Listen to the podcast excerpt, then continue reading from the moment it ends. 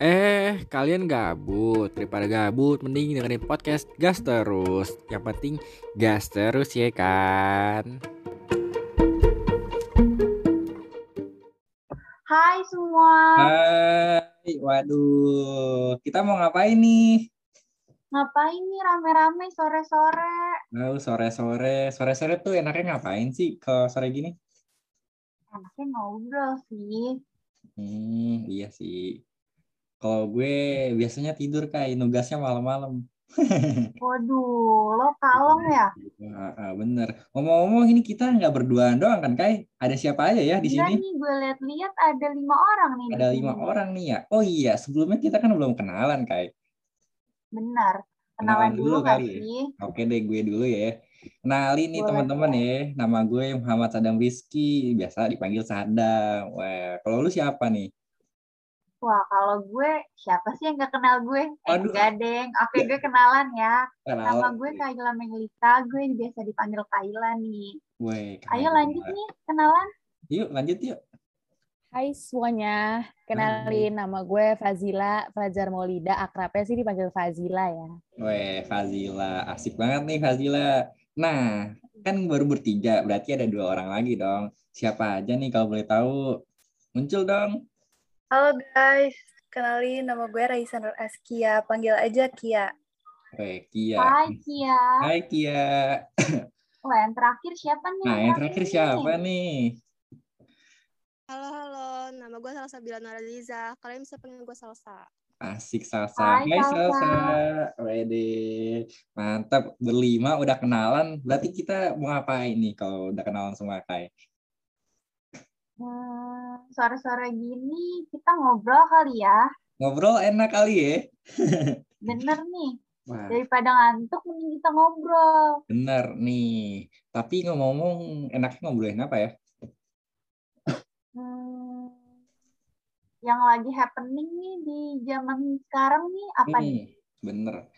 Ngomong-ngomong teknologi kayaknya seru gak sih? Wah seru sih. Nah, kalau ngomongin teknologi, gue ada satu topik nih yang seru. Waduh, apa tuh? Apa tuh? Oke, ngomong-ngomong soal big data nih, lu pernah gak sih dengar kata big data? Big data apa sih? Pernah dengar gak sih? Hmm, gue pernah dengar sih, tapi gue tuh nggak tahu apa sih tuh big data. Hmm, gitu. Jadi gini, gue tahu nih big data nih. Big data kalau di bahasa Indonesiain data besar. Udah kelar. Eh, enggak Benar, dong. Enggak sesimpel itu. Jadi big data itu ada penjelasannya nih guys. Ada pengertiannya. Mau tahu gak? Apa tuh? Gue mau tahu banget sih. Oke, langsung aja nih ya gue jelasin. Oke, jadi big data itu adalah sebuah teknologi baru di dunia teknologi informasi yang di mana memungkinkan proses pengelolaan penyimpanan dan analisis data dalam berbentuk dalam beragam bentuk atau format. Nah, jumlahnya juga besar nih.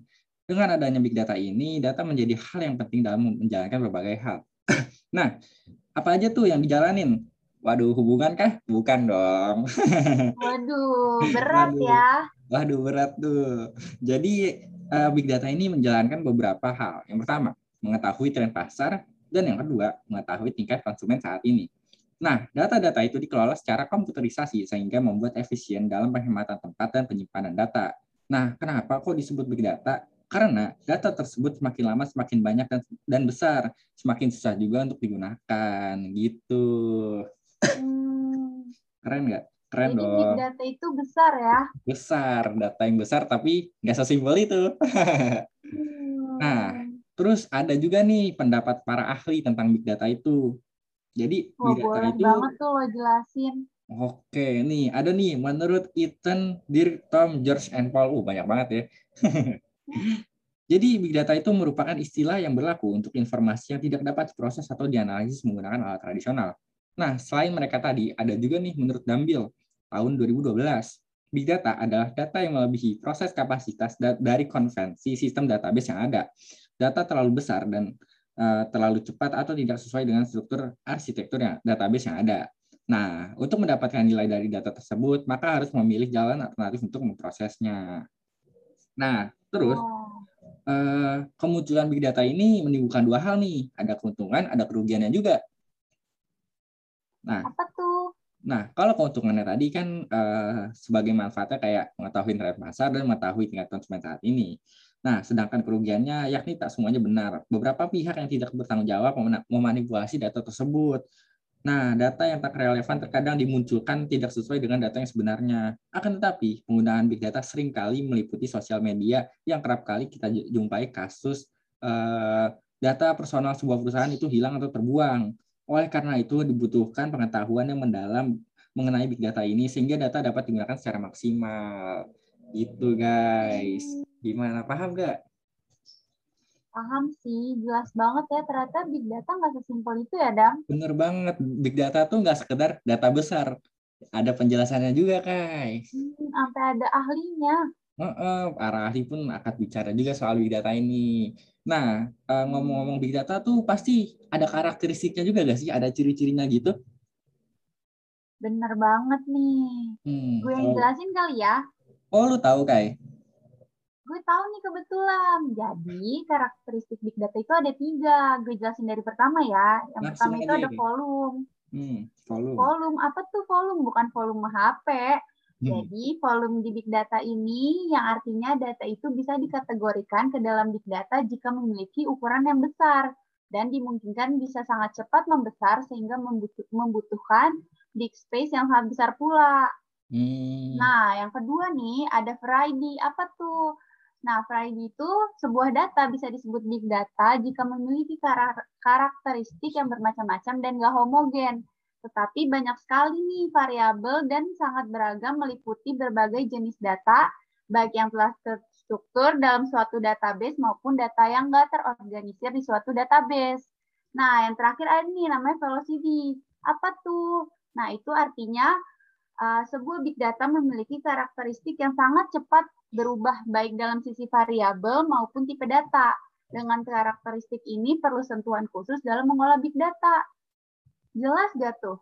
Wah, jelas banget. Keren banget ya. Ternyata selain ada definisinya, ada karakteristiknya juga ya, Kai? Benar banget. Nah, selain Iya. karakteristik, ada juga ternyata namanya jenis big data. Ada Wah. yang tahu nggak nih kira-kira? Apa aja tuh jenis big data? Kira-kira ada yang tahu nggak nih? Nah, jadi big data juga ada jenis-jenisnya nih guys. Udah Oh, pada iya. tahu belum apa Belum. aja tuh jenis-jenisnya? Belum tahu nih gue. Belum tahu nih. Oke, kalau belum tahu langsung aja gue jelasin ya. Jadi yang pertama itu ada jenis data terstruktur. Jadi data ini tuh udah tersimpan secara berurutan. Contohnya data ini tuh bisa disusun di Excel atau spreadsheet. Data ini juga mudah untuk diakses dan dianalisis. Nah yang kedua itu ada jenis data tidak terstruktur. Jadi data ini nggak punya format yang jelas dalam penyimpanan.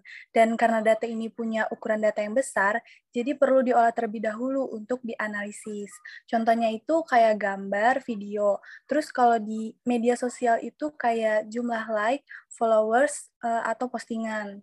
Nah, yang terakhir ada data semi terstruktur. Kalau jenis data ini masih belum diklasifikasikan, tapi data ini juga mempunyai informasi yang sangat penting. Gitu, guys. Wih, keren banget ya. Ternyata selain Keren ada karakteristik, sih. ada jenisnya juga, Kai. Data terstruktur. Kompleks banget nih big data nih. Bener banget. Data tidak terstruktur sama semi ter- Waduh. terstruktur. Waduh, gila-gila. Data aja terstruktur ya. Keren, keren, keren. Nah, ngomong-ngomong tentang data ini, pasti ada kan ya kasus kebocoran data. Pernah dengar gak sih? Gue pernah denger sih.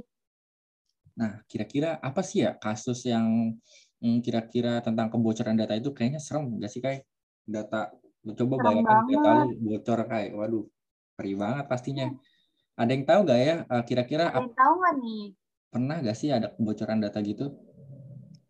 Oke, gue kasih tahu nih ya ke kalian salah satu eh, contoh kasus kebocoran big data. Eh, Boleh. jadi eh, berita ini pertama kali muncul di media sosial eh, pada 20 Mei 2021. Badan Penyelenggaraan Jaminan Sosial atau BPJS Kesehatan hendak digugat lewat Pengadilan Tata Usaha Negara atau PTUN. Nah, terkait dugaan kebocoran data eh, milik 279 juta penduduk di Indonesia. Tapi nih, Direktur Utama BPJS Kesehatan Ali Gufron Mukti menyatakan bahwa pada hari yang sama pihaknya uh, segera melakukan koordinasi dan investigasi terkait adanya dugaan peretasan data ini. Uh, proses koordinasi ini juga terus berlanjut kepada pihak-pihak lain yang terkait. Diketahui sebanyak uh, 279 juta data penduduk di Indonesia yang diduga bocor dan dijual di forum peretas Right Forum pada tanggal 12 Mei 2021. Nah, temuan ini nih berasal dari analisa yang dilakukan terhadap satu juta sampel data yang dibagikan secara gratis oleh akun yang bernama COTS. Dia ini mengatakan ada uh, eh, 1002 data penduduk di Indonesia yang telah terkonfirmasi dari satu juta data itu. Data itu tuh milik BPJS uh, eh, yang berasal dari sejumlah data yang dibocorkan. Data yang dibocorkannya itu ada nomor kartu peserta BPJS, kode kantor BPJS, data keluarga, tanggungan jaminan kesehatan, hingga status pembayaran jaminan gitu guys. Waduh, ngeri banget ya kalau ada kebocoran data gitu. Serem banget ya, ternyata uh, gede juga ya resikonya gede banget apalagi itu kan BPJS yang menyangkut banyak banget masyarakat di Indonesia ya enggak sih guys? Benar banget. Nah, tadi Rata-rata kan itu, masyarakat apa? masih pakai BPJS ya dan emang berguna banget sih BPJS itu. Ya, uh, buat membantu kesehatan. Tadi tuh ada apa aja tuh ya yang bocor tuh ada data nomor kartu peserta, kode kantor. Waduh itu bahaya banget sih. Sampai data keluarga dibocorin, Dam. Iya makanya parah banget sih. Karena gue bingung nih orang kenapa ya pengen bocor-bocorin data tuh apa sebenarnya tujuannya? Waduh. Ngomong-ngomong soal kasus kebocoran data gini pasti harusnya ada solusi gak sih? Harus kan ada ya. Nah, ngomong-ngomong soal solusi, ada gak sih yang tahu gimana sih ini kalau ada kebocoran data gini, solusi apa nih yang harus kita lakuin, uh, upaya apa? Aduh, ada yang tahu gak ya? Nah, kalau soal solusi gimana nih cara mengatasi kasus kebocoran big data, gue barusan banget nih cari-cari di internet. Ternyata ada caranya loh guys, cara pencegahannya biar um, data kita tuh nggak semudah itu untuk bocor. Hmm. Tapi ada banyak banget nih, ada 16. Kalian siap nggak nih dengerinnya? Siap banget dong pastinya, kan biar menambah wawasan, ya nggak sih? Oke, gue langsung mulai aja ya nih. Jadi yang pertama tuh kita harus uh, mewaspadai uh, scam yang biasa masuk melalui email. Kalau misalkan ada uh, spamming spamming link gak jelas gitu, ada baiknya jangan dipencet ya guys, jangan diklik. Jadi um, kita nggak masuk ke situs yang aneh-aneh gitu karena itu bisa buat uh, data kita bocor gitu. Terus yang kedua, kalau misalkan kita punya banyak email nih, sebaiknya kita uh, pisahin email-emailnya apalagi kita kan mahasiswa nih, kita punya email pribadi sama email kampus kan. Kalau misalkan disatuin tuh eh, nanti malahnya malahannya takutnya eh, data pendidikan kita sama data pribadi kecampur gitu. Terus bocor kan bahaya ya. Bahaya banget. Hmm. Terus yang ketiga nih, eh, kita bisa gunain password yang kompleks untuk setiap akun yang kita punya. Karena gue yakin nih, kalian semua eh, nggak punya cuma satu akun sosial media kan? Bener banget, Fazila. Apalagi anak zaman sekarang. Punya Instagram, nggak mungkin tuh akunnya satu. Iya nggak sih? Betul. Betul, ada aja yang punya second account. Waduh, emang nih anak zaman banget dah. Tapi emang uh, password tuh harus dibeda-bedain. Soalnya kan kalau orang udah tahu satu password, wah ntar dia nyoba-nyoba ke akun lain ya nggak sih bahaya banget kayak gitu ya. Betul. Lanjut aja kali ya. Lanjut nih, yang keempat nih. Yang keempat, kalau misalkan kita punya dokumen penting, ada baiknya kita password ya. Jadi nggak sembarangan orang tuh bisa buka. Terus yang kelima nih, uh, ternyata kita harus itu loh guys, jangan sering-sering pakai wifi publik karena kalau misalkan kita udah terkoneksi ke wifi itu um, data kita bisa juga tuh kebaca. Jadi uh, ada resikonya untuk uh, bisa bocor data kita kalau misalkan kita sembarangan connect ke wifi publik gitu. Waduh, ngeri banget tuh ya. Waduh, sumpah bahaya banget ya. Bahaya banget, Kai. Lu makanya jangan suka minta Kaum-kaum yang gak punya kuota nih harus tahu nih Ah, bener banget tuh yang nggak modal harus tahu tuh. Bener banget, salah satunya gue sih ya. Aduh. Berarti... Ya, gue harus isi kotek banyak nih, sumpah. Itu serem banget sih. Bener banget, Kai. Besok-besok kalau mau ke mana-mana isi kuota dulu deh, Kai. Iya nih, gue isi deh sekarang soalnya besok gue mau pergi. Waduh. boleh, boleh, boleh. Lanjut kali ya, Fazila. Oke, lanjut. Lanjut, oke, baru sampai 5. Ada 16 kan tadi di awal ya, gue bilang ya. Benar, benar. Langsung nih, yang keenam. Yang keenam kita harus utamain penggunaan two-factor authentic authentication. Yang ketujuh, kita um, harus hindari menyimpan file rahasia pada perangkat portable. Yang kedelapan, kita harus rajin update software dan firmware gitu. Udah banyak ya, 8 ya. Banyak, Baru banyak. setengahnya nih. Benar, benar. Langsung aja biar cepet nih, yang Langsung ke-9. aja. Yang ke-9 kita eh, lakuin pembatasan akses fisik dan administrasi administratif terhadap komputer penyimpanan informasi rahasia. Yang ke-10, penerapan end-to-end encryption dalam pembentukan eh dalam pertukaran data dengan public private private key. Yang ke-11, lakukan enkripsi terhadap file. Yang ke-12, eh, penggunaan firewall berlapis. Yang ke-13, review sistem keamanan, update patch software, dan update antivirus secara rutin. Aduh, ada yang nyimak nggak tuh tadi keberapa ya? Gue lupa nih. Ke sekarang ke 14. Oke, ke-14. Ke-14 kita em, lakuin awareness terhadap training mengenai keamanan data. Yang ke-15, kurangi variasi software untuk memudahkan monitoring dan update. Dan yang terakhir nih, yang ke-16, kalau misalkan memungkinkan, ajak pihak ketiga untuk menemukan bug system.